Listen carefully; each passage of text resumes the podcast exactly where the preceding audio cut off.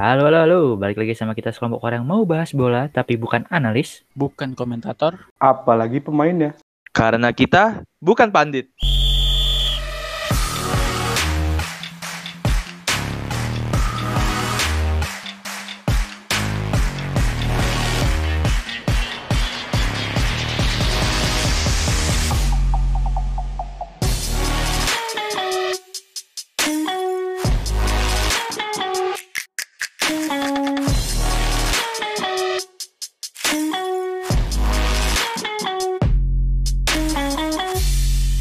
Bukan pandit. Apa, dong? Apa dong?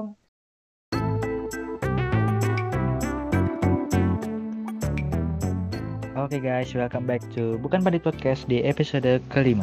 Ya, di Jackson dulu dong. Yoi, Welcome mantap. semua.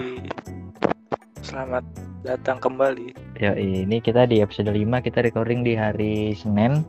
Pas banget setelah game week ke-8 Liga Inggris selesai. Ya, jadi kemarin game week 8 tuh udah ini banget ya. Ya, cukup menarik lah ya nggak? Ada beberapa kejutan.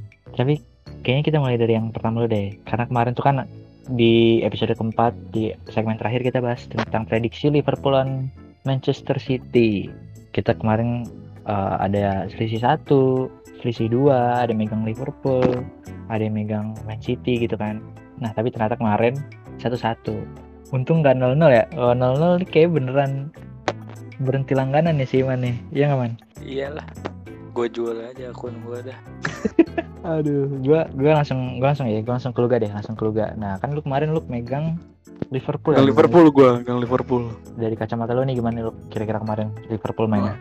Gang Liverpool main gimana ya? Walaupun dia nyerang-nyerang itu, tapi emang pertahanannya City ya bagus sih. Terus eh, dia juga punya Guardiola kan, jadi sedikit banyak bisa ngebaca pola permainan Jurgen Klopp juga. Nah tapi yang jadi masalah nih eh, Minamino dimasukin ya? Enggak, enggak, Minamino nggak main kemarin. Lah kok nggak dimasukin? Itu info dari mana Minamino dimasukin? Lu sesat nih. Enggak, soalnya si Klopp Klopp dengar podcast kita yang kemarin. Kita kan ngeliat Iya, Minamino. Iya. Bener juga. Tapi setahu gua di permainannya eh, ada ada penalti juga kan dari Kevin De Bruyne yang gagal di di apa di konversiin jadi gol langsung rame dah tuh wah katanya Kevin De Bruyne sih harusnya belajar penalti dulu ke Bruno Fernandes padahal Bruno Fernandes sih kagak golin penalti mu game week ini Golinnya malah beda ya. tapi masih masih masih apa masih seru sih walaupun ya lumayan lah dari kagak kagak anyep anyepet kayak big match yang itu yang merah biru yang satu lagi Yang mana tuh? ada merah biru birunya biru tua tapi Waduh, waduh, waduh. Jadi kemarin cukup seru lah ya walaupun emang skornya akhir imbang satu-satu. Lumayan. lumayan Pep juga nggak mau main terlalu ini kayaknya waspada juga kayaknya dia Kalau dilihat-lihat kemarin, ini ya apa? Kedua tim kayaknya nggak ada strategi cadangan. Dilihat dari pergantian pemainnya cuma City cuma satu, Liverpool cuma dua orang. City cuma ganti Torres sama Bernardo Silva, cuma ganti orang di posisi yang sama. Kayaknya nggak mau ini dia. Berdua-duanya nggak ada strategi cadangan nih buat merubah pertandingan. Iya benar karena kemarin juga seingat gua TAA tuh diganti karena cedera ya makanya dia diganti sama Milner. Terus Firmino diganti sama Sakiri yang kata Ya. prediksi eh podcast kita didengar juga tuh Sakiri dimain. Iya benar. Jadi Mi- Minamino kayaknya klub tuh kan kemarin mikir kan nih gue milih siapa ya milih siapa. Dengar Terus podcast dia- kita. wah ada bukan pandit nih dia ikutin nih. saran dia ikutin saran kita ya kagak menang juga ya wajar kan kita bukan pandit Wajar lawannya lawannya Manchester City, Bro. kalau Belum level kita untuk. Bisa lah kita analisis kalau lawannya Fulham Nah, Burnley.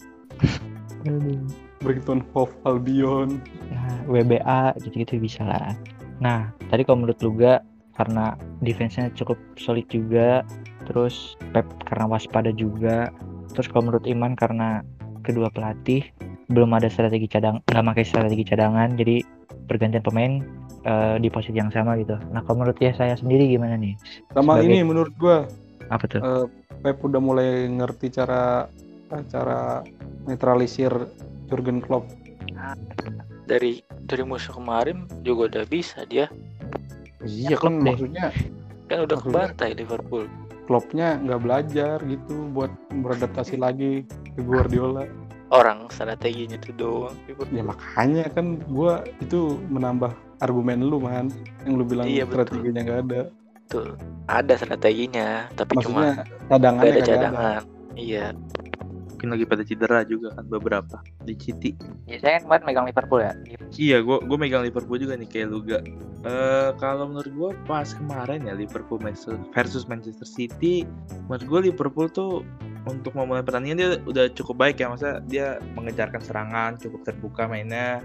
City kayaknya awal-awal sempat kesulitan gitu. Nah cuma eh, memang ya tadi baik lagi kan eh, pertahanan City juga nggak bisa diremehin, apalagi kipernya kemarin tuh pertandingan pertandingan kiper duo Brazil lah ibaratnya tuh kiper tuh berdua tuh mereka ya meskipun yang satu mungkin tim utama Brazil yang satu cadangan tapi mereka berdua tuh emang performnya bagus gitu. Nah jadi nggak bisa dibohongin lah kalau emang masing-masing pertahanan punya defense yang baik. Cuma menurut gue memang kemarin eh, pas Liverpool ini apa ya eh, mungkin kurang beruntung juga ya. Karena menurut gue pas kehilangan eh, si Arnold ini Alexander Trent Arnold ini lumayan kehilangan buat eh, ini menyerangnya gitu. Apalagi pas babak kedua tuh kelihatan banget City lebih megang kendali kan. Apalagi untung aja tuh De Bruyne kan penaltinya nggak masuk ya. Terus si De Bruyne juga sering apa nembak dari jarak jauh juga. Dari luar kotak penalti lumayan lah nah, tapi untungnya ada si Alisson juga lumayan bagus banget.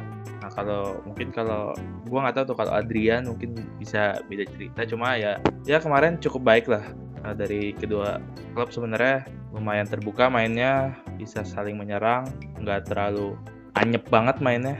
Jadi ya cukup adil lah menurut gue untuk hasil satu-satu ini kemarin. Untung ini ya si Matip udah kembali ya jadi nah iya si Joe Matip juga Backnya. udah kembali. backnya Liverpool ya seenggaknya ada punya pengalaman lah main di match besar kayak gini kalau pemain muda kan belum tentu juga dia bisa nahan De Bruyne, Gabriel, Sterling dan kawan-kawan Nah iya betul sih itu lumayan ngebantu sih kalau misalkan pemain muda takutnya masih grogi kan ngadepin pemain City pemain depannya jadi ngebantu banget sih menurut gua. gue setuju juga ya itu pertarungan dua kiper Brazil ya yang lagi masa-masa terbaiknya gitu. Terus tuh kemarin gue baca gitu kan di di OA Liverpool. Jadi si Alisson ini sempat nggak tahu sih ini jokes apa beneran tapi si Alisson ini sempat sakit lagi kan bahunya. Terus pas dia lihat di cadangan ada Adrian, wah tidak jadi, lebih baik saya yang main. Daripada ngasih Itu kalau sampai beneran lucu juga ya. Tapi ngejokesnya itu lucu juga ya. Daripada daripada dibully kan Iya, mending tahan dikit lah, mending nyeri-nyeri dikit daripada sakit hati. daripada sakit Ya. jantung.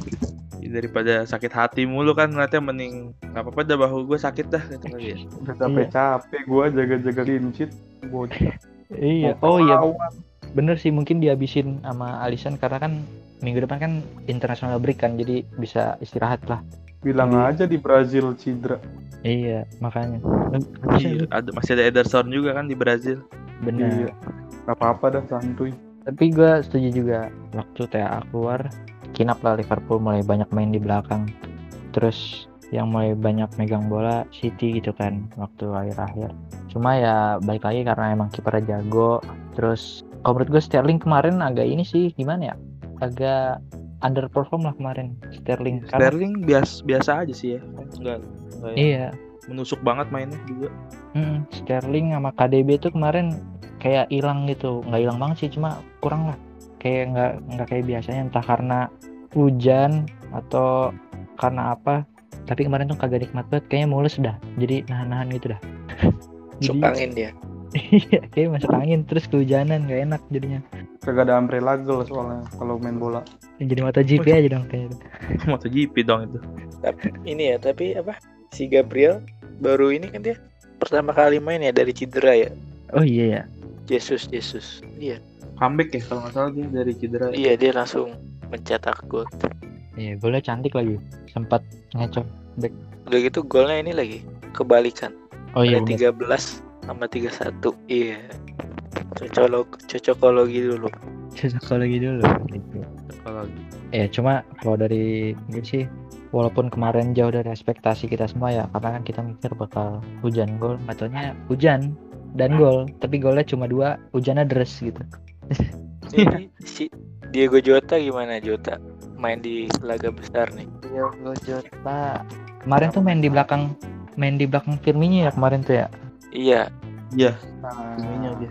Gak bisa kan dia main di belakang Firmino harus CF. iya padahal padahal posisi aslinya dia wing. iya, namanya juga mau jadi CR kali dia dari wing ke tengah.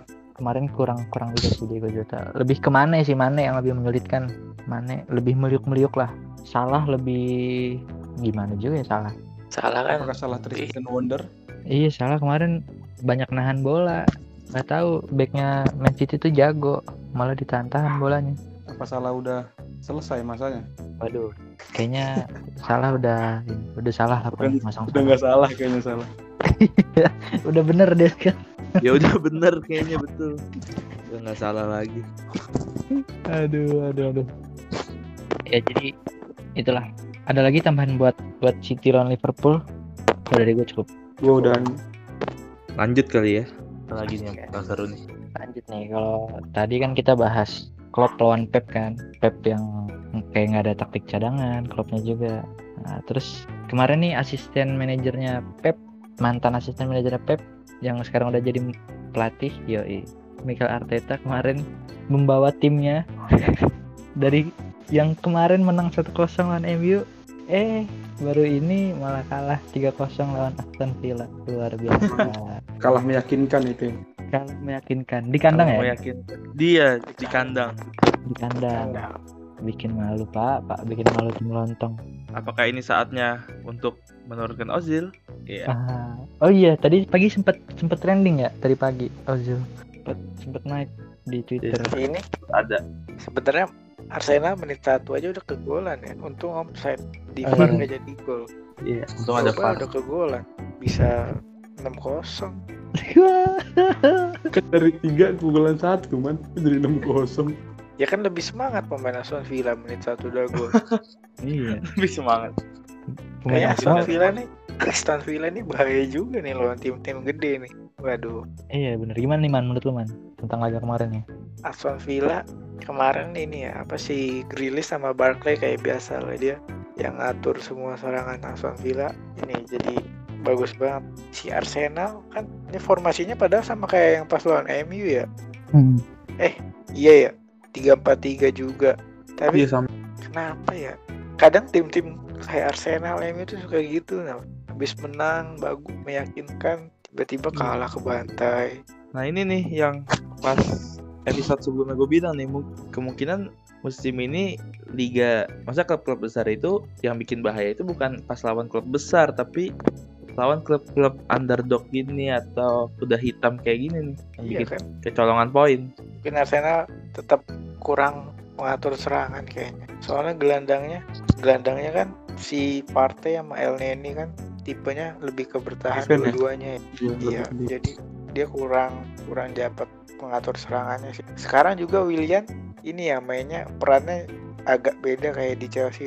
Kan kalau di Chelsea Iya, dia suka kelihatan kelihatan banget itu di sayap sekarang kayak kurang aja di sayapnya. eh kan Mungkin dia Hilang. lebih ke dalam kali ya sekarang. Tapi da- ke dalamnya jarang dapat bola. Mungkin William kan karena ini biasanya kali man ya. Biasanya apa tuh man? gimana gimana? Enggak kalau kalau gue sih mikirnya kan Arsenal ini kan strikernya ini si Aubameyang sama Lacazette itu kan tipe yang ya mereka sprint juga apalagi Aubameyang kan. Nah William ini jadinya bukan tipe yang tampil di sayap banget makanya tadi lebih ke dalam. Iya. Kalau saya kan biasa kan yang sprint juga terus umpan bahkan shooting. Jadinya mungkin agak sedikit bentrok mungkin kurang cocok kalau menurut gua. Yang penting mah ada aja yang ke Iya William sih tapi tengahnya. atau ke Auba atau ke Lacazette. Sekarang kan bolanya mau mau dikasih ke siapa gitu yang ngatur kan nggak punya. Kalau Arteta dulu masih main bisa dia ngatur. Apa Arteta aja main? pas lagi dong. main tiba-tiba ada substitution Michael Arteta masuk menggantikan Iya, kayak zaman Willian dulu gitu nggak mungkin kayak Iya, company Gigs zaman dulu. Hmm. Dalam hati Michael Arteta aduh pemain tengah gue bego-bego nih udahlah gue main aja masuk dah Aduh. Bego amat nih jadi pemain gua aja dah main. Ini musuh kagak nyerang kok tetap bertahan kita ya.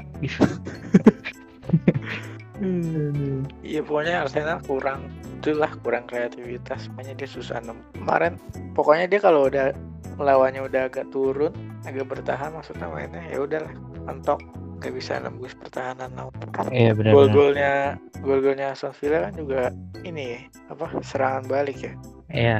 yang ketiga tuh dari kiper langsung dibawa sama Grilis dari bawah sampai depan Oh yang adu sprint nama Bellerin ya? iya yang gol terakhir Iya. Bellerin kan dulu sempat jadi pemain tercepat gitu kan maksudnya pas dibandingin sama CR Messi kan sempat menang Bellerin Iya, sempat ada julukan dia pemain tercepat juga tuh Bellerin iya Iya. Kalah sprint sekarang sama Ger Geralis gila on fire banget tuh orang. sama penyerangnya Aston Villa ini emang khusus pencetak gol ke tim besar kayaknya Siapa? Watkins ya Watkins. Watkins Watkins Ayo Watkins. hat trick ke Liverpool dua gol ke Arsenal Eh parah. Ada lagi man? Atau udah sih itu Udah sih gua. oke kayak itu dari Iman. Ke Luga Luga gimana? Udah gua udah. Udah. Kalau ya saya gimana nih?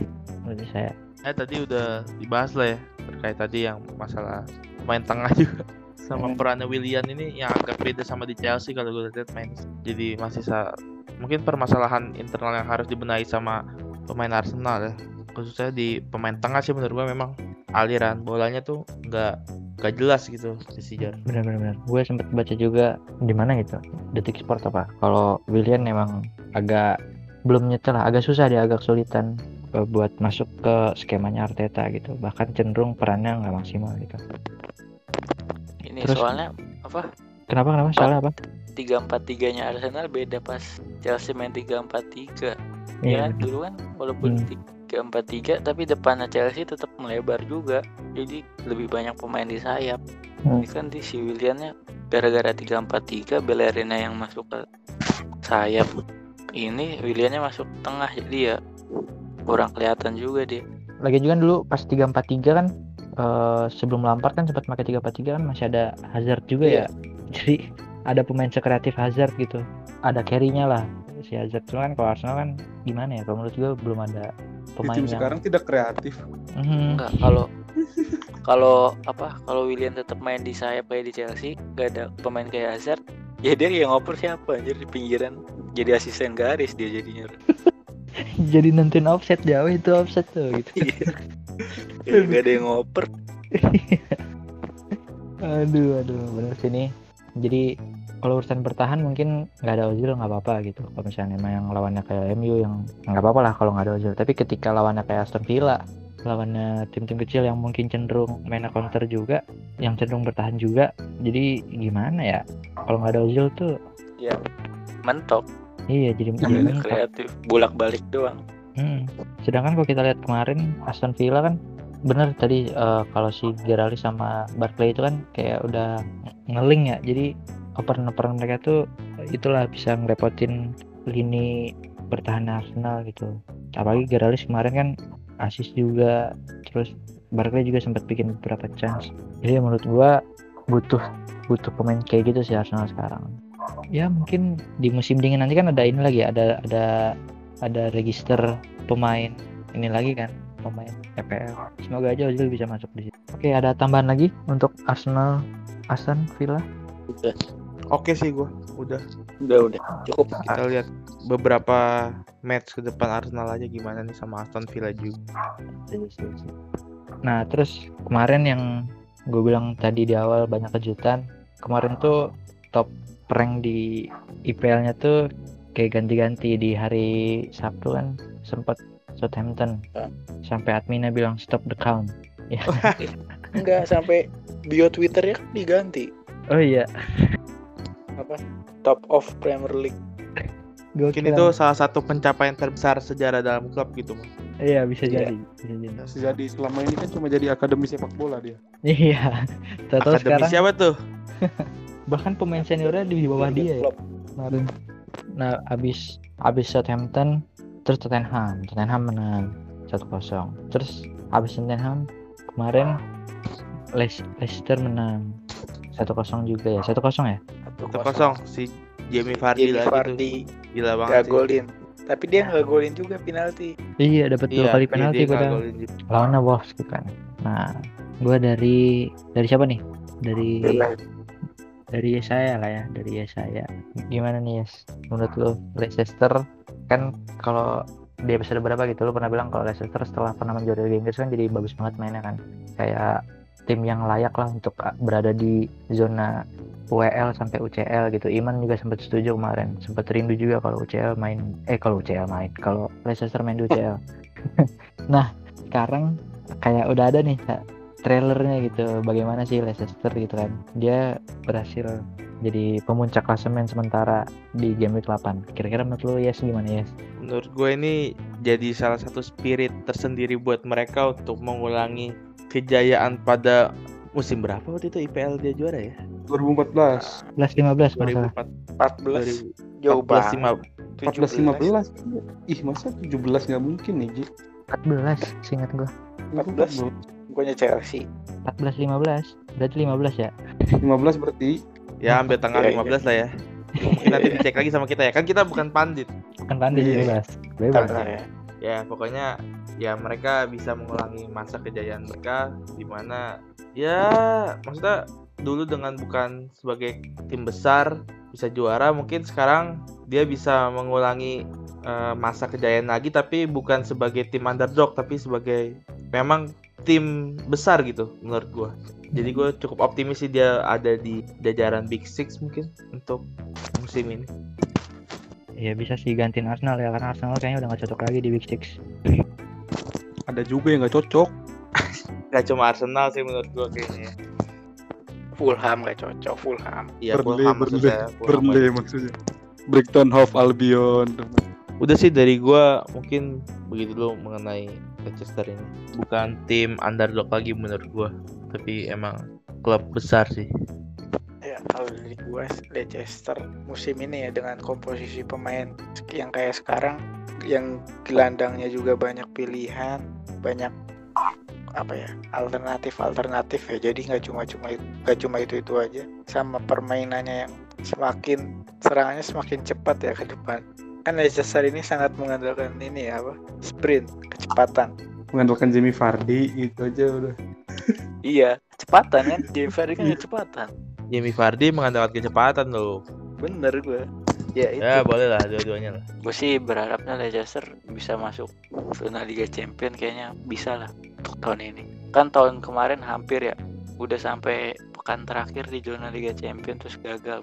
Tahun ini tahun yang pas lah ditambah beberapa pemain pembelian-pembelian musim ini kayaknya bisa bersaing di zona Liga Champion nih si Leicester Mungkin bisa juga dia jadi salah satu ini ya unggulan di Europa League kali ya untuk juara. Iya, dia kan belum pernah kalah juga, selalu menang dia. Soalnya pilihan pemainnya dia banyak, jadi walaupun rotasi ya nggak jauh beda lah kualitas. Asal Jamie Vardy terus fit ya. Walaupun cadangannya si Ihe Nacho juga kemarin habis golin juga sih Europa League, tapi kayaknya untuk Liga Primer main main reguler kayaknya belum tentu kayak Jamie Vardy. Sama ini sama ini, satu lagi pemainnya si siapa Mendy yang defensive midfieldernya itu kayaknya calon Kante baru nih kayaknya lihat-lihat pemain kecilnya sama kayak Kante juga postur tuh kenapa teman oh. Hah? kirain masa kecilnya sama kayak Kante lu bilang eh gue mah nggak sampai masa kecilnya. Emang gue siapa? Analisis emang gue ini si apa ngomong, ngomong kecilnya sama anjir. Posturnya anjir. Postur kekecilannya maksud gue mainnya juga mirip Kante kayaknya. Calon penerus Kante ini udah ditemukan. Jelas. Sama Drinkwater. Drinkwater siapa? Wah ya bisa juga tuh. Gelandang peminum Waduh. air Iya Bukan pengangkut ya lu kayak bukan minum. Minum. Haryono anjir. Kalau itu kan cuma diang cuma diangkut. Ini sambil diminum sama dia juga. Capeknya Oh, iya. nambah. Ngomong-ngomong sepak bola Indonesia ini turut berduka cita. Berduka cita dulu nih buat mantan kiper Persija Bang Daryono. Daryono. Yang baru aja mendahului kita semua. Rest in peace buat Bang Daryono. salah satu yang gue inget sama Daryono tuh ini apa? AFC Cup lu Oh, iya, gue juga inget tuh. yang yang gak main Iya. tapi kartu merah Itu gara-gara gara-gara protes ke wasit itu kan. iya Udah. Udah ketinggalan aja 3-1 juga. bukan pada podcast turut berduka cita atas berpulangnya Bang Daryono. Semoga keluarga yang ditinggalkan dan fans dari almarhum selalu diberi ketegaran dan kekuatan dan kiranya almarhum bisa diberikan tempat yang terbaik. Amin. Red, rest in peace buat Bang Daryono. Makasih udah mewarnai persepak bolaan di Indonesia. Respect. Kita kita lanjut ya. lanjut Leicester kalau menurut gue nih ya, karena kan ini juga kesempatan juga nih buat Leicester karena kondisinya hampir mirip-mirip kan beberapa tim besar main jelek terus beberapa penggawanya juga lagi cedera kan habis itu apa Kante tuh udah ditemuin penggantinya kayak kata Eman tadi Didi itu kan. Eh apa Mendy. Yang jadi masalah sekarang eh, dia harus dia harus temuin tandem yang pas juga sih buat Fardi biar nggak terlalu kebaca gitu mainnya. Terus ke Fardi kalau dulu kan mereka punya Mahrez. Itu Mahrez itu masih bisa buat jadi eh, penggedor selain buat Fardi kan. Itu sih menurut gua Okazaki juga. Sekarang mungkin ini apa ada Madison sama siapa? Barnes Barnes yang lumayan mendekati lah. Ya karena emang tahun 2000 waktu mereka juara itu emang dibantu sama beberapa tim yang underperform sama cedera sih. Makanya mirip-mirip gue bilang. Ya senang aja napa lihat semangat spiritnya kalau Leicester main. Apalagi kalau Fulham di puncak klasemen langsung gue buat fanbase di Timor Leste anjir gak jelas banget fanbase Timor Leste Ah, kita sama-sama rindu lah Leicester buat masuk lagi ke zona UCL. Semoga dengan posisi Leicester sekarang berada di puncak klasemen sementara bisa nambahin spirit Leicester buat berada di zona UCL terus sampai akhir musim lah. Semoga bisa konsisten. Terus di UEL juga bisa bicara banyak. Kalau bisa sih sampai juara gitu. Nah, kalau ngomongin Big Six ya, karena kan tadi kita bilang ada Big Six yang ngeklaim dirinya Big Six tapi eh, biasa aja sebenarnya kayak tadi ada Arsenal terus ada satu lagi tim yang merah-merah juga nih merah-merah Merah-merah ya. merah-merah jangan sampai lolos aduh tapi sekarang menang pak dia Wih, bisa menang. mantep juga Iya. sih Abis menang dia ya. kemarin kita bully-bully terus sekarang menang menang meyakinkan lagi 3-1 ya kan lawan Everton nah gua ke Iman dulu gimana man kira-kira man MU lawan Everton man udah kata gue udah Everton udah habis udah, udah, udah. Tapi iya ya, Everton udah tiga kali pertandingan beruntun, udah bensin udah nggak ada nih. udah habis The magic of James Rodriguez belum terlihat lagi. kalau kata orang kalau kata analis-analis hebat mah mainnya Everton udah Udah old school, ya. old school iya kan Carlo Ancelotti juga pelatih old school gitu-gitu doang mainnya dia mah kalau sih, lawan dia kalau lawan tim jago jago dia Brunonya lagi main bagus Iya, MU emang lagi lumayan sih kemarin. Tapi di samping itu juga emang Evertonnya juga menurut gua kurang apa ya? Ya mungkin itu cara bermain strateginya terlalu monoton. Makanya kalau lihat statistik pertandingannya dia, dia itu cuma satu kali shoot on target. Dan itu golnya dia. itu satu-satunya shoot on target dia selama 90 menit pertandingan lawan MU kemarin. kalau dilihat-lihat kalau dilihat-lihat jangan-jangan kok MU ini jadi kayak tim-tim underdog gitu kalau lawan tim jago. Jago habis itu sedekah poin. Iya jadi MU sekarang underdog. Gimana dah Soalnya MU ini bergantung pada permainannya dulu dia. Kalau Brunonya lagi bagus, ya dia main bagus. Kalau di- Brunonya lagi kurang, ya dia kurang. Tapi gue sih bersyukur ini MU menang nih. Ntar aja deh. gak jelas Biar lu aja nanti yang ngomong itu ya. iya Yang penting tuh Everton ini udah udahlah udah kembali ke habitatnya. Udah nggak ada magicnya lagi lah kayak empat pertandingan pertama atau lima ya lima pertandingan pertama ya yang menang terus makanya gue dari awal Everton nggak mungkin sampai akhir nih juara kayak gini itu sih kok dari Iman Gua dari ya saya sendiri gimana nih Kalau menurut gua apa ya? Gue sebenarnya sedikit bingung sih sama MU ini karena ya beberapa pertandingan ini nggak konsisten banget. Sebenarnya bingung. Tapi ya mungkin MU ini emang berpengaruh di eh, pemain-pemain kuncinya dia sih. Maksudnya kalau tadi Bruno misalkan lagi menurun, kayaknya MU bakal turun juga. Jadi belum ada yang bisa ngepius kalau misalkan Bruno ini pemain lagi turun. Dan kemarin emang layar ya menurut gua MU emang layak buat menang. Apalagi dengan skor yang ya beda dua ya beda dua. Nah menurut gue itu ya layak lah untuk MU bisa banggakan. Karena Evertonnya juga permainannya ya nggak ada kreativitas gitu dari pemain-pemainnya. Apalagi tadi kan udah gue sempat bilang dia cuma shoot on targetnya cuma sekali. Meskipun dia position ballnya menang gitu tapi ya buat apa gitu position ball eh, lebih banyak. Tapi efektivitas buat nyerangnya itu nggak ada. Jadi ya gue mungkin bingung sama MU apakah dia emang bakal bisa survive buat terus menang. Tapi di satu sisi juga ya mungkin Everton memang udah harus balik lagi ke habitat awalnya.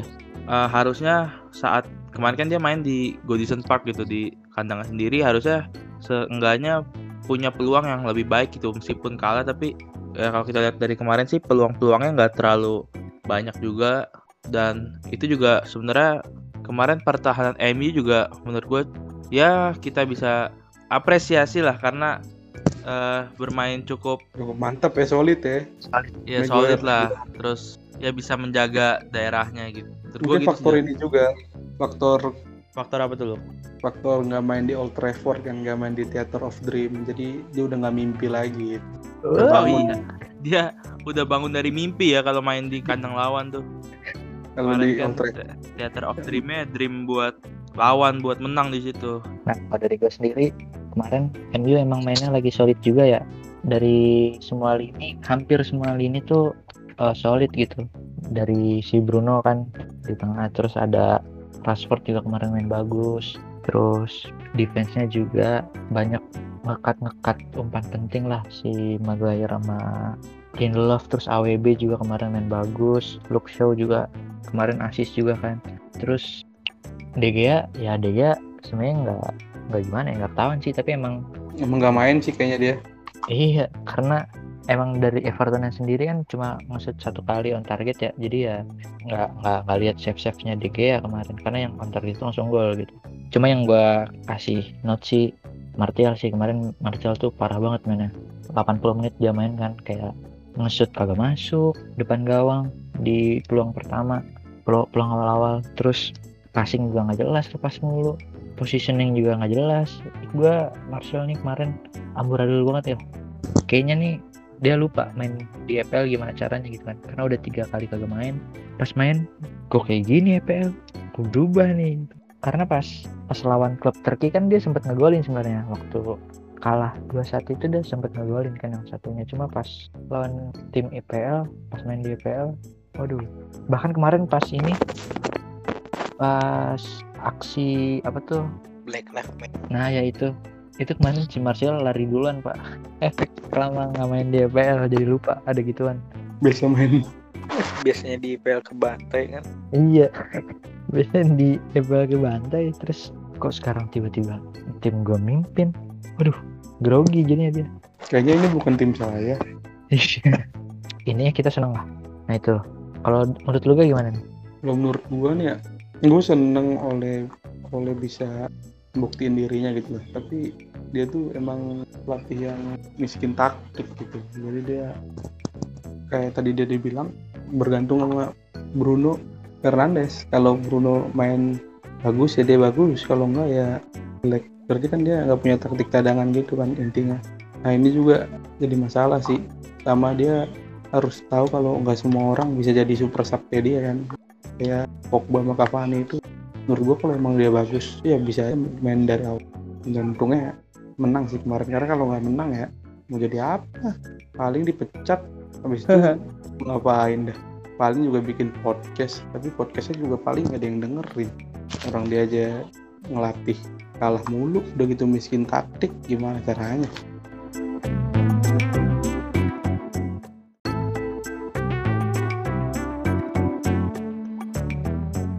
oke lanjut lu.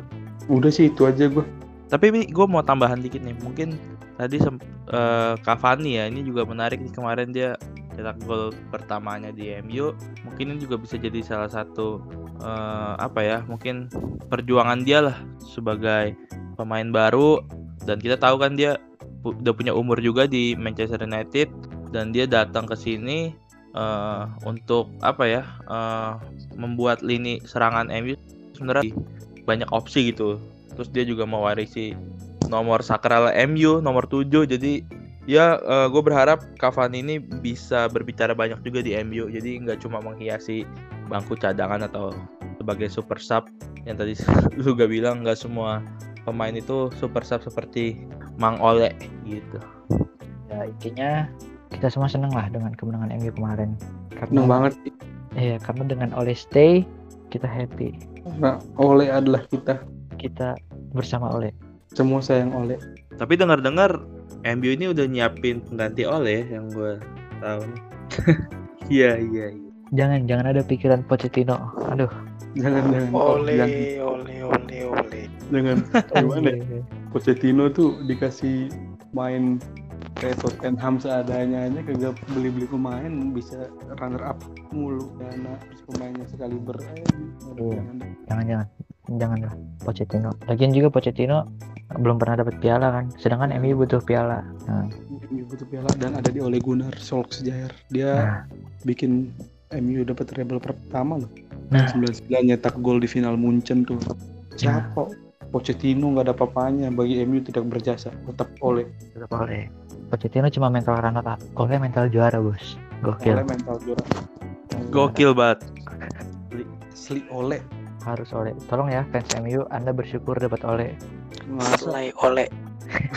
kayaknya kita nggak cuma cukup senang kita senang banget kayaknya untuk kali ini melihat kemenangan MU masa kita yang bukan fansnya MU ngedukung MU kemarin yang fansnya MU malah ngedukung FR Iya, gimana Mana sih? Banget oleh diganti sampai kayak gitu. Padahal dia udah ngasih piala itu loh. Piala apa Oleh. ya? Ole itu legenda Ole itu legenda jangan lupa Iya, Ole itu legenda kalian. Tolong hargai dong. Itu setara inilah legenda Malin Kundang lah. Dikutuk Kan dong. legenda. kirain sama super kirain kayak legenda di peta dunia Waduh, beda legenda itu. Kirain kayak motor. Waduh. Astrea. Aduh, itulah pokoknya ya harapan kita. Ole tetap stay. Terus Everton tolong tahu diri. Terus Leicester semoga ada di zona UCL dan di UEL bisa menang. Terus untuk Arsenal ya terserah lu deh mau ngapain deh. Udah capek gue sama Arsenal. untuk Liverpool Arsenal ini ya? Sejelek-jeleknya Wenger. Masih mending Arsenal di tangan Wenger anjir. iya jelek-jeleknya Werner aduh. Eh kok Wenger. Werner? Wenger gue bahkan udah lupa nih sekali yang berkaitan sama Arsenal nih. Ya pokoknya gitulah untuk City. Ya gue nggak bisa ngomong apa-apa karena nggak ada fansnya. Kalah sama Fulham Mania dan Bolen bocah Leicester lu dari mana bang lu bilang Bolen Boleh. oh boleh Boleh, boleh. Boleh. baca Manchester kita bikin boleh.id An sama Anso. Southampton. Anjay. Ansu anjing. Sama. Aduh. Iya itu. Terus untuk Liverpool ya semangat semangat Liverpool. Mau dikatain juga belum nemu celahnya nih selain kebantai kemarin. Iya. Oke mungkin itu kali ya dari dari kita ya. Apa mungkin ada lagi teman-teman? Udah, udah. Dari gue juga udah cukup sih. aman Udah sih Selamat menonton pertandingan negara-negara. Sampai jumpa di EPL tanggal 21 21 ya 19 ya antara tanggal segitulah. Oh iya benar tanggal 21 itu hari Sabtu. Sampai jumpa di tanggal 21 untuk EPL. Karena minggu depan kita fokus ke negara-negara. Intinya tetap jaga kesehatan karena lagi kayak gini juga kan. Terus mumpung minggu depan nggak ada EPL bisa lah dipakai buat tidur, buat istirahat, buat balikin imun tubuh. Terus kalau misalnya harus terpaksa keluar karena aktivitas tetap patuhi protokol kesehatan. Terus himbauan dari kami juga tetap tonton match-match menarik, match-match tim kesayangan tim kesayangan kalian dari platform streaming yang legal. Udah sih itu aja. tetap tungguin tetap pantengin uh, episode terbaru dari Bukan Menit Podcast dan sampai jumpa di episode selanjutnya. Bye-bye. Bye bye. Bye. Bye.